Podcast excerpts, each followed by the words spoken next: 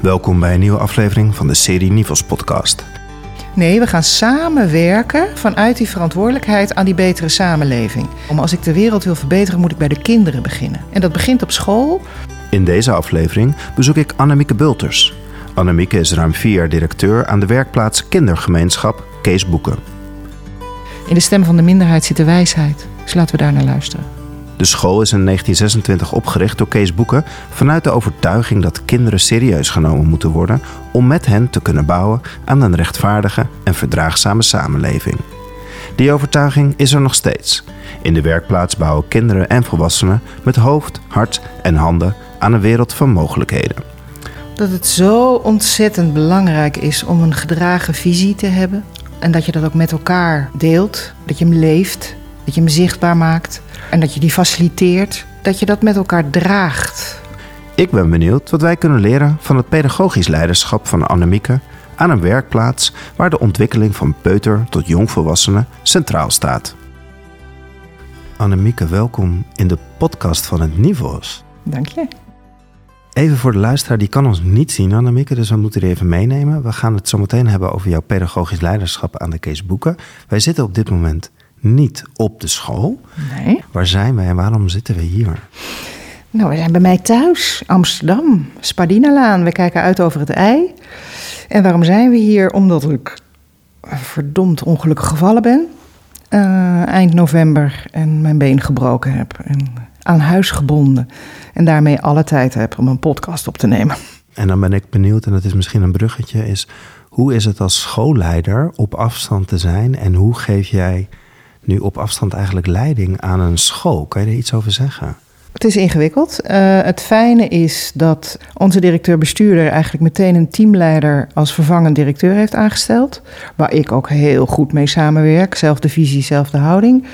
En wij sparren heel regelmatig. Toevallig had ik er voor dit gesprek net nog even aan de lijn. We gaan het nu ook gewoon iedere maandagochtend om 11 uur hebben wij werkoverleg. En we gaan nu ook starten met teamsoverleg. En ja, dat gaat goed. Ik kan, als we het over vertrouwen hebben, ik kan dat in vertrouwen, want ik moet het ook loslaten. Ik uh, zit in bepaalde appgroepen, zit ik ook niet meer. Dat wil ik ook niet, want op afstand krijg je misverstanden. Uh, maar het overleggen is goed. En wat ik hoor en de dilemma's die er zijn, die bespreken we door. En daar gaat zij mee aan de slag. En af en toe zegt ze: Help, ik weet het niet. En dan, uh, dan sparren we weer. Ja, dus dat, Wat vraagt het van jou? Het vraagt loslaten, het vraagt vertrouwen. De, dat vraagt dit hele proces. loslaten. Het gaat zoals het gaat. En ook, als we het over ook enorm waardering zien en voelen over hoe goed die school staat. Ik kan het ook loslaten. En het is niet alleen de vervangende directeur, maar we hebben ook een kernteam van teamleiders die de schouders eronder zetten, geschoven, mensen vrijgemaakt om andere, om, om, om, om, ja, om, om taken te kunnen overnemen.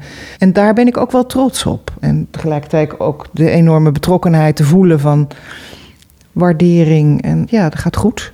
En met zo'n lockdown dan, hè, communiceren. En, en ja, daar liggen gewoon goede scenario's. Wat is de pedagogische opdracht van de werkplaats? De pedagogische opdracht van de werkplaats is, is vertrouwen ook, die basis, verantwoordelijkheid. Kees Boeken en zijn vrouw, ik zeg altijd, hij kon het niet zonder haar, met Betty. Die waren eigenlijk wereldverbeteraars. Radicaal, hij wilde geen belasting betalen, en zeker niet uh, ook schoolgeld, want het ging naar, naar de bewapening. Uh, jij heeft de Eerste Wereldoorlog meegemaakt, dacht, die barbariteit, die wil ik niet meer. En is uiteindelijk na een omweg gekomen, als ik de wereld wil verbeteren, moet ik bij de kinderen beginnen.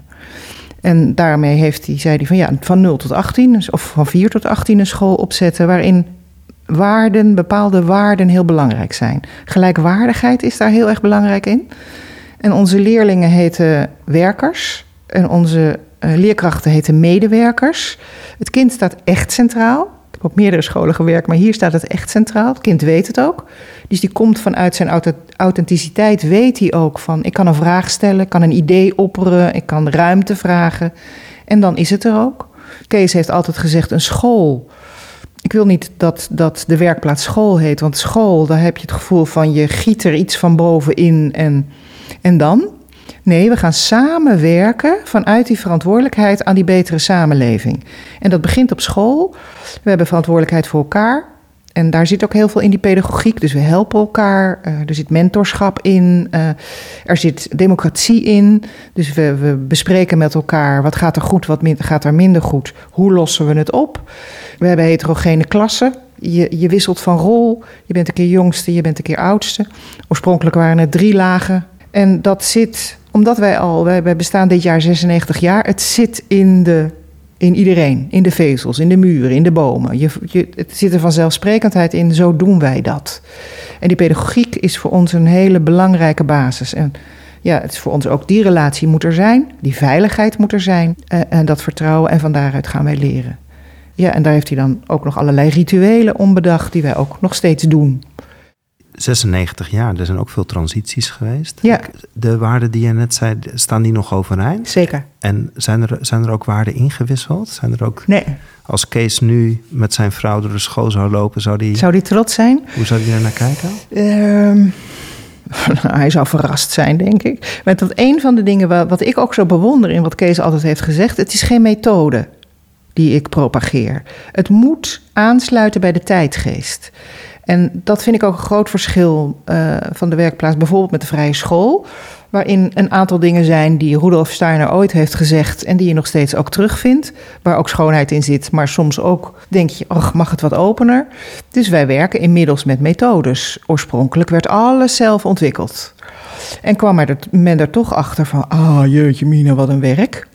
En B, als we kijken naar onze resultaten, het kan beter langzaam maar zeker hebben we toch die methodes waarin we zien van ja, daar zitten ook hele mooie bij. En daar, daar, hebben we ook wat aan. Die digitalisering is ook bij ons, staat goed. Daar werken we mee, waar we wel steeds kijken, past het binnen onze waarden? We zitten nu bijvoorbeeld in het proces van stappen we over op Ginsi ja of nee. Nou, dat gaat heel zorgvuldig van ja, willen we die kinderen zo veel aan, de, aan die tab tablet hebben of, of niet? En nou ja, daarnaast ook nog alle kosten. Gaan we dat niet doen? Kan je een beetje inzicht geven van hoe ziet het onderwijs daar eruit? We zitten nu natuurlijk in Amsterdam-Noord, dus ver van de school zelf. Maar voor de luisteraar die dat ook niet kan zien, maar wel verbeeldingskracht heeft. Hoe ziet het onderwijs op de werkplaats eruit? Ja, want dat, dat heb ik eigenlijk vergeten te vertellen. Wat Kees ook heel belangrijk vond, was dat het totale kind zich ontwikkelt. Dus niet alleen die cognitie, maar ook kunst en cultuur heel belangrijk. De Matthäus werd gezongen en ze, muziekles, eh, dans, volksdansen was, was een, echt een integraal onderdeel. En dat is er nog steeds. Dus wij, als je zegt, hoe ziet het onderwijs eruit?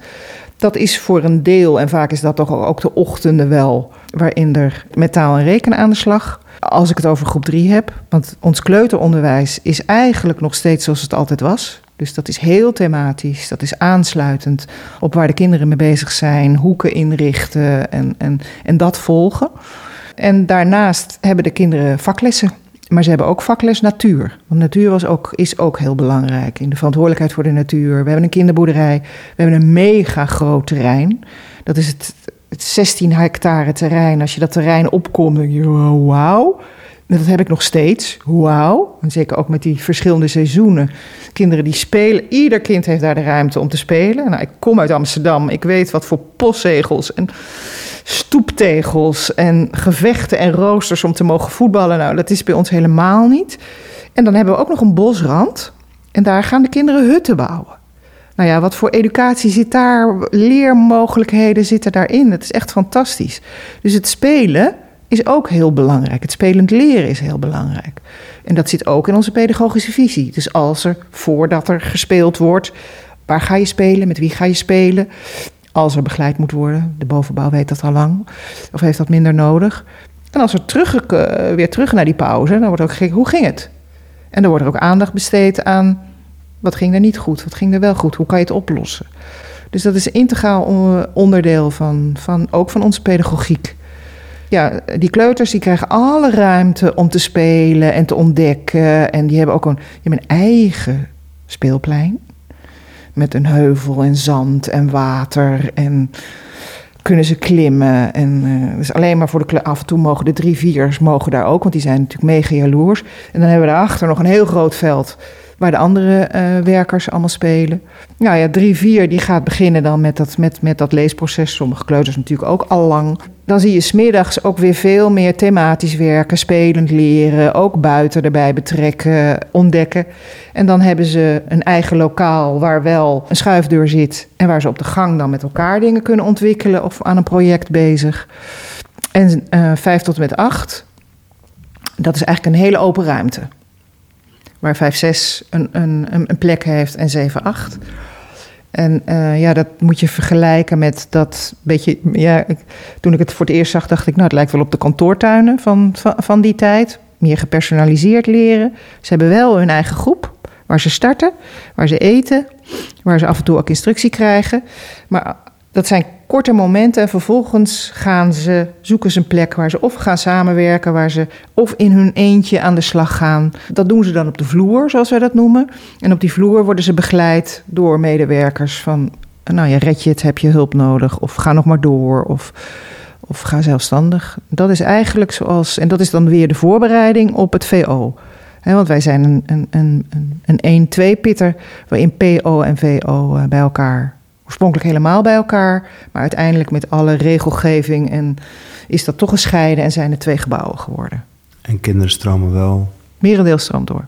Ja, we hebben van MAVO tot en met uh, eh, VWO. Dus praktijk en kader hebben we, basis hebben we niet. Maar tussen de 80 en 90 procent stroomt door. Het kind staat centraal, de, de omgeving, in je lijf komen beluisteren, ja. buiten, ja. Uh, uitdagen, aansluiten. Uh, hoe geef je als schoolleider leiding aan zo'n proces? Wat vraagt dit van jou, nou ja, pedagogisch leiderschap?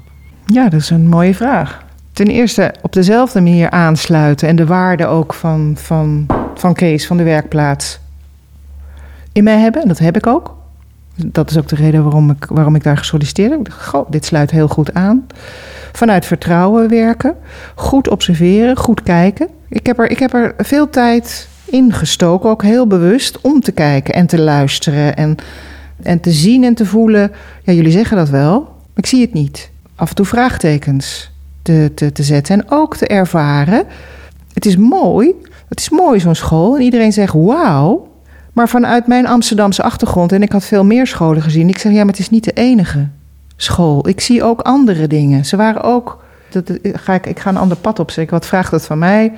Ja, kritisch zijn. En dat heb ik ook geleerd als zijnstromer. Dat ik stel altijd, bij mij is niks vanzelfsprekend. Dat, eh, dus ik stel vragen. Ja, even voor de luisteraar, dat hebben we in het voorgesprek, ja. voorgesprek besproken. Jij komt oorspronkelijk niet zelf uit het onderwijs, je bent een zijnstromer, zoals je dat zelf noemt. Even, en waarom ben je overgestapt naar het onderwijs? Waar kwam je vandaan en waarom stapte je in? Ik heb een pedagogische achtergrond. Ik heb altijd met kinderen gewerkt, want dat, dat, die boeien me, vind ik prachtig. En daar een bijdrage aan leveren, dat, dat, dat doe ik graag, dat inspireert me. En het onderwijs was aanvankelijk voor mij. Ik dacht, nou, daar kan ik mijn vrijheid en mijn creativiteit niet kwijt. Maar langs in 2005 uh, ging ik ging steeds meer samenwerken met scholen en zag, ja, maar er zit, er zit eigenlijk wel ruimte. En zeker in visie en aansluiting is, is het ook wel heel boeiend om, om daar onderdeel van te kunnen zijn. En heb ik die overstap gemaakt. En dat was ook een, ook een periode waarin er een groot tekort aan directeuren was. Dus bazen van buiten, zoals dat genoemd werd, die werden uitgenodigd om te solliciteren. En, uh, maar, bazen van buiten. Ja, bazen van buiten heette dat toen. Maar dan kom je, kwam ik in een. Ik maakte de overstap van een, een uh, onderwijsondersteuningsbureau, uh, OOG, hier in Amsterdam waar je een bepaalde zakelijkheid en vanzelfsprekendheid. En het stap, maakte ik die overstap naar de schoolcultuur. Was ik, oh, het was wel even winnen, ja. Maar daar stelde ik weer vragen. Hé, hey, waarom doe je dit zo? Of, uh, en waarom ga je zo? Of hoe zit dat? En daar, met die nieuwsgierige houding, die heb ik ook. Die vind ik ook fijn kom ik ver. En is die mooi bij elkaar gekomen op deze plek? Jouw leiderschap en zakelijkheid, maar ook die mens in zijn volle pedagogische ontwikkeling centraal? Ja, dat zeg je goed. Ja, dat is eigenlijk helemaal alle ervaringen die ik gedaan heb en gehad heb in Amsterdam en als een breedheid, die komen samen nu op de werkplaats. Ja, ja.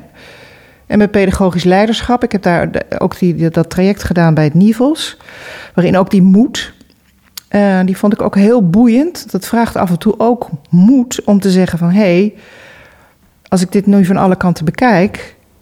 jullie zeggen dit wel, maar ik zie het niet. En wat gaan we eraan doen? Wat heb je nodig? En uh, ehm, hoe gaan we wel die stap maken om het, om het zover te krijgen? Want het, het, dat wilde ik nog zeggen, eh, zo'n school van 96 jaar oud dit jaar heeft dus zoveel lagen en heeft een cultuur waarin ook een aantal dingen verborgen zijn. En die niet dat, dat, dat, heb ik eigenlijk, dat zie ik eigenlijk op elke school. Het is een soort familiecultuur. Een aantal mensen werken daar 40 jaar, die houden van elkaar, die gaan met elkaar op vakantie, maar ze zeggen niet alles. En dat versluiert soms. En, en dat bevragen en dat boven tafel leggen, dat is een kracht van mij. Dat doe ik ook graag. En, en daarmee heb ik een aantal dingen ook op kunnen schonen en helderder kunnen maken. Ja. Je werkte nu vier, vier jaar. Ja. Waarom ben je dan ingestapt op pedagogisch leiderschap? Want je straalt alles uit dat je het naar je zin hebt en dat je het goed overziet.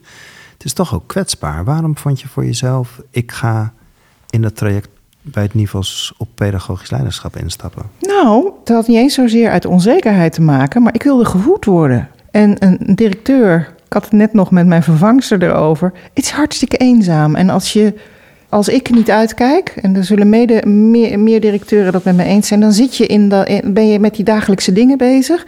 Maar er even uit en visie en horen hoe ze het op andere scholen doen. En die theorieën die aangedragen werden.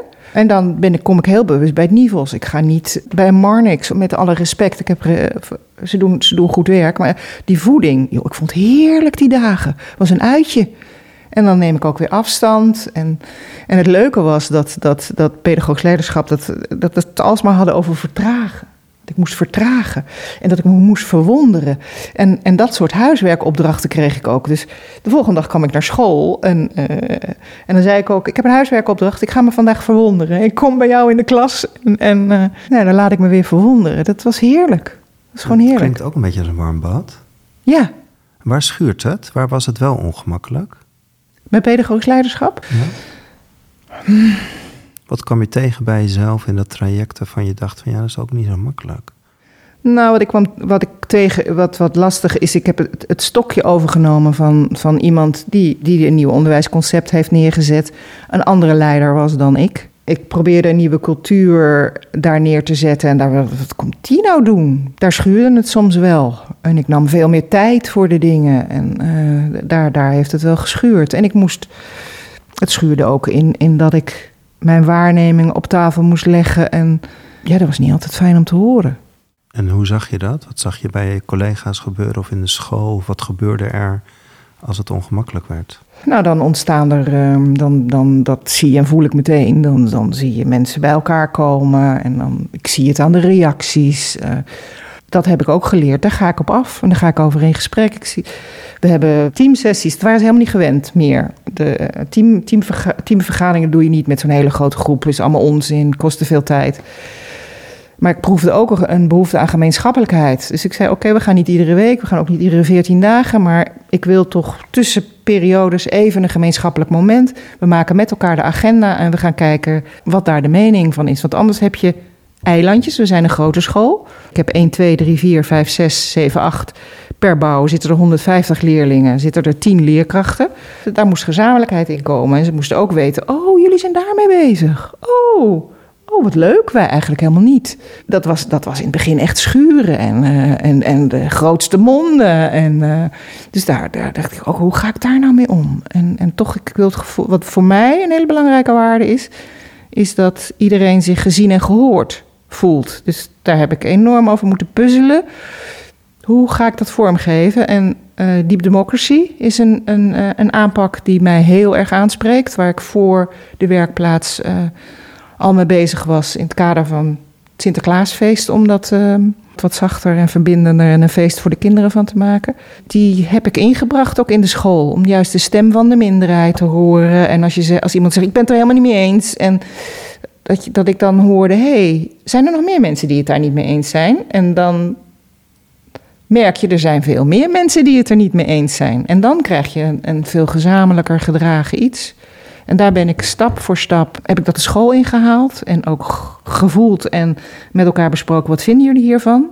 Want dit kan ons helpen. Daar is draagvlak voor. En toevallig worden er vandaag twee medewerkers uh, van de werkplaats getraind uh, in Amsterdam hier, level 1 uh, diepdemocratie. Dus daar, daar, ben ik, daar ben ik trots op. En dat, de intentie waarom ik dat doe, is ook dat ik de werkers uiteindelijk ook dat wil, wil meegeven. Dat alle werkers van de werkplaats ook leren van hé, hey, die is er niet mee eens. Wat gaan we doen? Hoe gaan we weer verbinden in plaats van polariseren? En soms is polarisatie even goed om maar uiteindelijk weer te verbinden. En dat past helemaal in de visie van, uh, van Kees. Die, die was toen al, zei hij, in de stem van de minderheid zit de wijsheid. Dus laten we daar naar luisteren. Mooi. Ja. Als je dat doortrekt, hè, je zegt heel mooi van nou, dit, het werkt door naar die leraren. De werknemers, zoals je dat Medewerkers. Sorry, medewerkers. Het ja, het is, ik, ik heb ook een paar maanden moeten wennen. Ja. Aan taal, sorry, excuus. Ja. Um, wat zie je bij kinderen gebeuren? Wat zie je in die vier jaar en dat je hier heel bewust in die verbinding bent gegaan? En je, je zegt ook in je taal heel mooi, je, je, je, je eik jezelf echt weer steeds tot de oorspronkelijke visie. Mm wat zie je hiervan terug bij de kinderen? Ja, en dan is, dat is misschien wel leuk om dan even die anekdote te vertellen. Dat is het, ik moest toevallig deze week ook nog een artikel voor de WP-krant, heet dat dan, schrijven. Die gaat over innerlijke motivatie. En uh, ik heb een stuk geschreven over de voortdurende drive van de werkersraad. We hebben een, uh, een fietsenstalling. Ik maak even een, een raar sprongetje. Een fietsenstalling, nou, dat is eigenlijk een van de oudste eikpunten van de school waar het dak helemaal aan het verrotten was en het maar niet lukte om hem op te knappen. Uiteindelijk was er wel voldoende budget en uiteindelijk was het materiaal ook geleverd. In de herfstvakantie zou die fietsenstalling, waar, waar ja, eh, voor, voor 90% de fietsen van de werkers in staan, die zou opgeknapt worden. Wat ik vergeten was, was om die werkersraad daarbij te betrekken. Maar niet, eh, niet getreurd. Die werkersraad, twee, twee jongens, van 5, 6, die gingen naar het secretariaat en die zeiden: We hebben het in de, in de werkersraad besproken. We hebben ideeën over de fietsenstalling. Uh, Nanette, onze secretaresse, kan je even een, afspraak met Annemieke inplannen? Dat is allemaal zo vanzelfsprekend, uh, want wij willen dat graag met haar delen. En toen kwamen ze met die ideeën: fietsenstalling moet groter, ze passen er allemaal niet in. En ik dacht: jeetje, hoe ga ik dat? En vanuit mij, daar moet ik ruimte aan geven. Dat kan niet anders. Dus dat was heel snel schakelen. Ik zeg: jongens we gaan even naar de overkant. We gaan naar die fietsenstalling. We gaan eens even kijken wat er kan. De timmerman was nog bezig. Die betrok ik er ook bij. En uh, van ja, die fietsen die passen eigenlijk niet. Wat kunnen we daar nou aan doen? Het was al vrij snel duidelijk dat die fietsenstalling niet groter kon. Dat kon gewoon niet. Maar dat er wel hele ouderwetse fietsenrekken stonden. En die fietsen van tegenwoordig hebben dikke banden, hebben grote manden. En die, nou, die nemen wel drie rekken, dus dat past nooit. Oké, oké, wat kunnen we dan doen? Nou ja, mijn houding is dan inderdaad naar, naar, naar die twee jongens. Van nou, inderdaad, wat kunnen we doen? Wat, wat moeten we, waar denken jullie aan? Nou, andere fietsenrekken, misschien dat het dan wel past. Nou, kunnen we, kunnen we onderzoek naar doen. En uh, dat hadden we ook gedaan en we hadden ook al een bestelling gedaan. Maar toen hoorden we dat uh, het voortgezet precies hetzelfde probleem had gehad een aantal jaren geleden. Die hebben uiteindelijk alle fietsenrekken eruit gegooid. Dus ik heb die jongens, ik zei, jongens, we gaan een afspraak maken met de conciërge van het VO. We gaan naar die fietsenstalling kijken. En uh, misschien is dat wel een veel betere oplossing. Bleek een veel betere oplossing te zijn.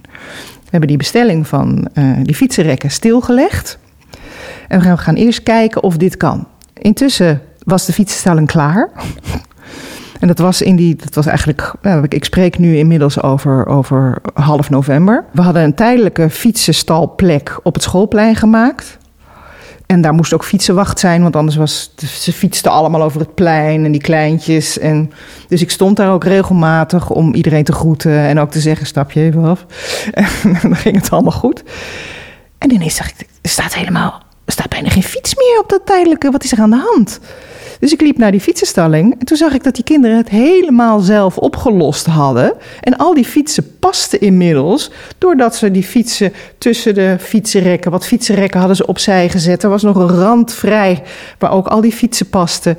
En nou, het was fantastisch om te zien van hoe je dat dan hoe zij het zelf oplossen, hoe vanzelfsprekend ze het ook vinden. Van nou, wij gaan dit oplossen, we hebben ideeën. En mijn laatste opdracht eigenlijk aan de werkersraad was van hoe kunnen we het nog mooier maken, hoe kunnen we het nog ruimtelijker maken. En uh, nou ja, toen ben ik gevallen. Dus dat gaan we, gaan we uh, volgend schooljaar, volgend schooljaar, daar gaan we over een paar maanden, gaan we, gaan we daar verder mee aan de slag. En nou ja, op jouw vraag terugkomend, Die vanzelfsprekendheid van die kinderen en dat dan weer aansluiten. En dat ik me ook zelf realiseren. Ja, in alle hectiek zijn we dat gewoon vergeten. Maar toch weer zo vormen dat ze daar wel onderdeel van vormen. Ja, het is heel gaaf om te zien. En ook hoe trots die jongens ook. En ja, dat is heel mooi om te zien.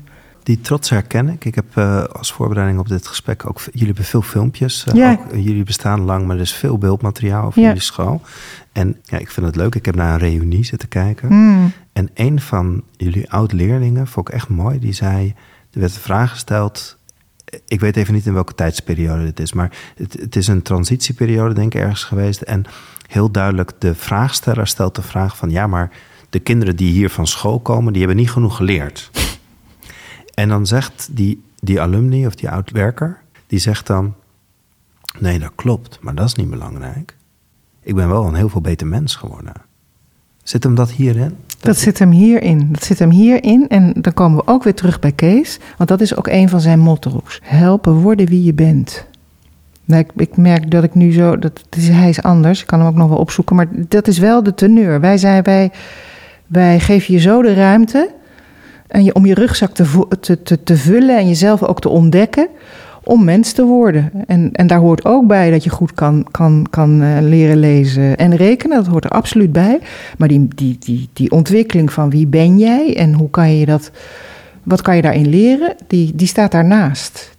Die, die is de basis eigenlijk. En dan ben ik toch benieuwd hoe je dan kijkt naar het vraagstuk. Want in die periode was kwalificatie heel belangrijk. Scholen Ja. werden vergeleken middels Ja. CITO-toetsen. Ja, En dat kind, dat, die oude werker, die wordt dan eigenlijk weggezet als, als van ja, maar je, je zat echt onder een maat. En als je een stukje verder terug gaat, dan kwam ik ook bij, bij koningin Beatrix uit, Ja. hè, die dan Ja. eh, veel kritiek erop van hè, ja, dat mens worden bij jullie, maar je moet ook gewoon die kwalificatie leren.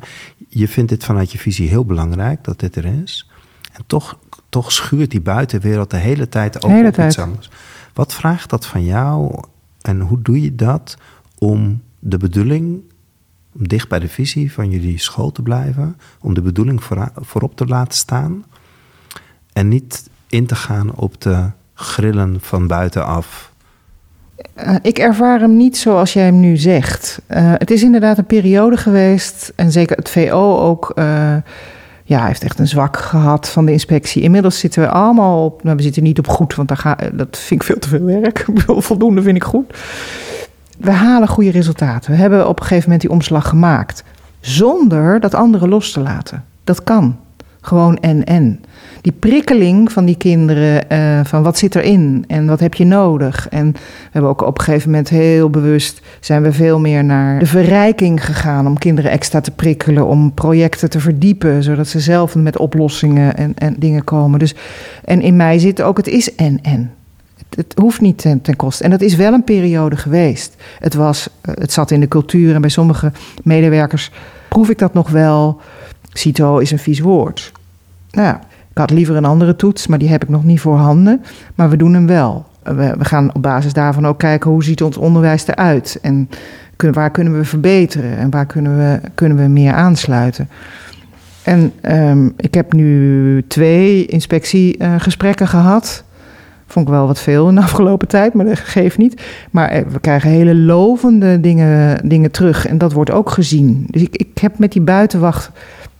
heb, ik, heb ik dat gesprek nu niet. Wel over Beatrix. Die verhalen wel. En, en, en er is een periode echt geweest ook dat mensen een basisschool dan wel bij ons deden. Maar het voortgezet, dan gingen ze even naar een andere school om de resultaten nog even op te, op te vijzelen.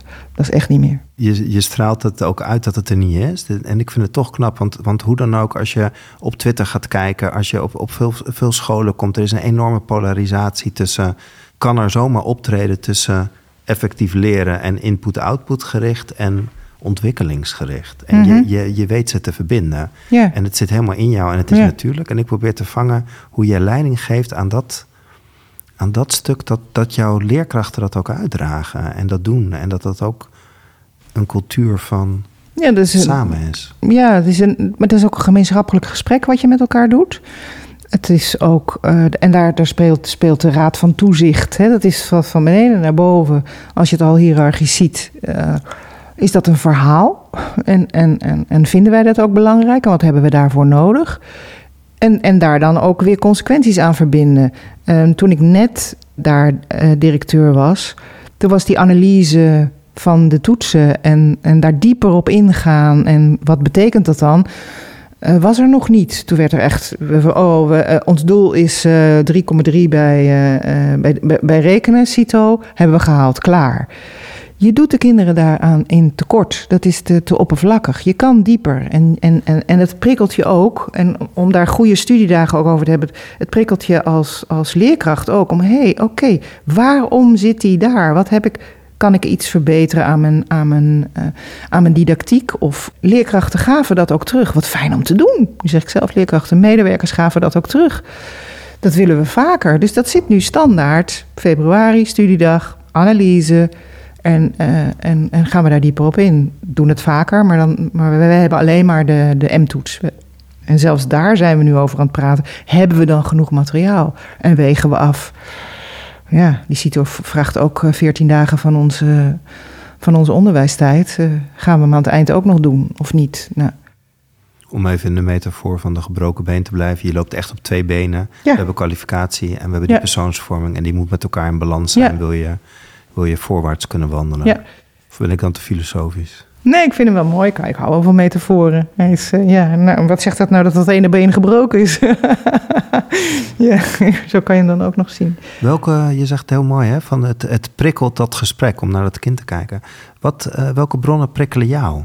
Nou, ik, de Loris Malaguzzi, die heb ik net genoemd. Dat is een Italiaanse pedagoog.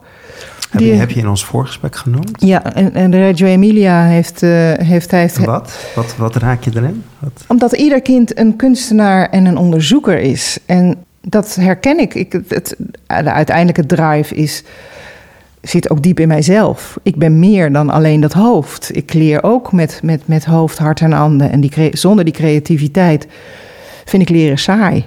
Dus ik wil geprikkeld worden, ik wil verbeelden, inderdaad. Ik wil met verhalen, ik, ik, metaforisch, eh, eh, analytisch, alles. Dat, en, en ieder kind is, is, heeft dat in meer of mindere mate in zich. Dus dat, uh, dat is echt een hele diepe, diepe, diepe bron van mij. Uh.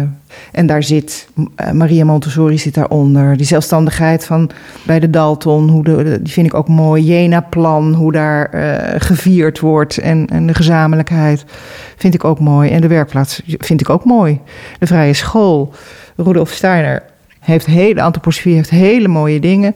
Alleen ik ben heel erg op ontwikkeling gericht. Dus als ik daar binnenkom en dan voel ik ook een, een, een minder beweging. Dat past minder bij mij. Er zitten hele mooie verhalen. Zit, ik vind, er zit ook heel veel schoonheid in. Maar als persoon pas ik er niet. Dus dat is minder inspirerend voor ja. mij. 96 jaar werkplaats. Naar de toekomst kijkend. Mm -hmm. Wat zou jij nog graag de werkplaats gunnen? Of welke ambities heb je? Nou ja, de eerlijkheid gebiedt mij dat ik nog twee jaar daar werk. Dan heb ik de pensioengerechtigde leeftijd. En in die twee jaar, daar heb ik ook het schoolplan op geschreven. Dan zit Deep Democracy helemaal in de, in de school, in de cultuur. Toen ik kwam, toen was de, de gelijkwaardigheid kunst, cultuur, creativiteit en cognitie was uit balans. En men heeft die tijd nodig gehad om met die methodes en te ontwikkelen en de resultaten weer uh, op orde te krijgen. En uh, mijn ambitie is om dat weer te integreren. Uh, creativiteit is een integraal onderdeel van ons onderwijs. Dus die ambitie hebben we met elkaar. Eigenaarschap vind ik een heel erg belangrijke. Dus dat is zowel voor de kinderen als voor, uh, als voor de medewerkers. Verantwoordelijk zijn voor hun eigen ontwikkeling. Daar ook uh, de middelen voor krijgen, maar ook op geprikkeld worden. Dus die ambities, ja, die lopen af uh, in 2024. En verder persoonlijk zou ik ook nog een rol. Ik zou het heel fijn vinden om het gedachtegoed van, van, van de werkplaats ja, te delen. Op wat voor manier dan ook of vorm te geven, zodat er nog meer mensen geïnspireerd Want het is, het is heel bijzonder dat het maar één school is. Ik, ik, heb een wachtlijst van, van, van, van hier tot Tokio. Van, en, al, en als wij, wij hebben helemaal geen leraren tekort. Mensen zijn echt bereid om ontslag te nemen en die willen heel graag bij ons werken. Daar ben ik ook blij om. Ik snap het ook. Je hebt, je hebt een achtergrond op meerdere plekken. Je hebt zijnstromen, je hebt op verschillende plekken in het onderwijs gewerkt. Wat is het mooiste cadeau wat je de afgelopen jaren door het werken op deze school, op deze werkplaats... in combinatie met pedagogisch leiderschap... wat je bij het NIVOS hebt gedaan... wat is het mooiste wat je mee hebt genomen... zo de laatste twee, drie jaar? Wat zou je willen meegeven aan de luisteraar? Dat het zo ontzettend belangrijk is om een gedragen visie te hebben. En, en dat je dat ook met elkaar deelt. Dat je hem leeft, dat je hem zichtbaar maakt en dat je die faciliteert. Een visie heeft heel veel verschillende aspecten. Dat je dat met elkaar draagt. Dat je vanuit wijsheid, vanuit de wijsheid dat je ook in die gemeenschap zit, in het team zit, in de mensen, dat je van daaruit mee ontwikkelt. Ik, ik, ik doe het niet in mijn eentje. Ik kan het ook niet in mijn eentje. En dat, eigenlijk is dat haast wel een cadeau. Terwijl het, een pijnlijk cadeau is. En dan uh, die gebroken been. Maar het staat. Ze doen het. Omdat ze zich mede verantwoordelijk voelen. En dat heb ik in de loop der tijd steeds meer geleerd. Dat je, dat je als directeur ja, kijkt en faciliteert van onderen. En daarnaast gaat zitten. Uh, in het pedagogisch leiderschap dan ook naar voren komt. Ga je ga verwonderen. Ga vertragen is veel belangrijker dan al die formatjes en, en dingetjes die ook moeten, waar ik ook tijd voor maak. Maar het andere is veel essentiëler. En dat oogst ik nu ook, of dat oogsten we met elkaar. Er zit zoveel wijsheid in, in dat hele systeem. In ieder schoolsysteem zit dat. En dan als laatste vraag: als dit je vertrekpunt, je, je visie is en je doet dit, dan is het af en toe ook wel eens moeilijk. Ja. Wat helpt dan? Met al jouw wijsheid en ervaring. Wat helpt dan om daar weer bij terug te komen? Wat mij enorm helpt is altijd grappen maken. Ja? ja, ja, ja, ja. En dan, dan maar ik kan een grap maken van, van, van de ellende, bij wijze van spreken. Uh, ik ben gestart met een verhaal. Ik ben een verhalenverteller ook. En de Arabische sprookjes inspireren me enorm. En daar zit er eentje in en die heet de mier en de kakkerlak. De mier en de kakkerlak die, ja, die vinden elkaar uiteindelijk. De mier die miert en die, die, die spaart voor de winter. En die heeft voldoende eten in de winter. En de kakkerlak die doet alles wat fijn en plezierig. En ja, die geniet van het leven en die heeft niet gespaard. Die heeft geen eten, die moet uit de prullenbakken eten. En uiteindelijk krijgt hij het heel erg koud uh, klopt aan bij zijn buurvrouw Mier en vraagt of hij alsjeblieft ook bij die kachel en, uh, en, en, mag zijn. En Mier uh, nodigt hem uit, wel met dat vingertje. Hoe komt het, kakkerlak, dat jij dat niet gedaan hebt? Ach, Mier, ach. Volgend jaar moet je dat wel. Ja, Mier, doe ik. En zij brengen samen de winter door. En het is heel gezellig, want hij zorgt voor muziek. En het slot van het verhaal is dat Mier aan kakkerlak vraagt: Kakkerlak, kom jij volgende winter weer bij mij? En dat verhaal, daar ben ik eigenlijk mee begonnen. Ja, dat zijn de beide dingen die wij nodig hebben. Dus als het, die coronatijd heeft van mij heel veel gemier gevraagd. Het moest met al die protocollen. En, en dan gooi ik er ook weer in van jongens, nou, maar nu gaan we weer even kakkerlakken. Ja, op wat voor manier dan ook. Dat is ook inmiddels een gemeenschappelijke taal. Ja, we moeten weer even kakkerlakken. Ja, we moeten ook weer even mieren. Het is niet anders. Ja, als het moeilijk is, dan, dan, dan probeer ik dat op tafel te leggen, ja. Annemiek, mag ik je bedanken voor het openhartige gesprek en mag ik je veel wetenschap wensen met je gebroken been. Dank je wel. Ja, bedankt. Het was een fijn gesprek. Dank je. Deze podcast is er eentje uit de Nivos podcastserie. Stichting Nivos sterkt leraren en schoolleiders bij de uitvoering van hun pedagogische opdracht. Het Nivos opereert langs vier pijlers. De Nivos opleidingen, het Nivos podium, het online platform Het Kind en de Nivos Denktank. Like deze podcast of geef een aantal sterretjes mee, zodat meer mensen deze podcast makkelijker kunnen vinden. Meer podcasts zijn ook te vinden op www.nivos.nl/podcast. Hoe dan ook, we nodigen u graag uit voor een volgend gesprek in deze serie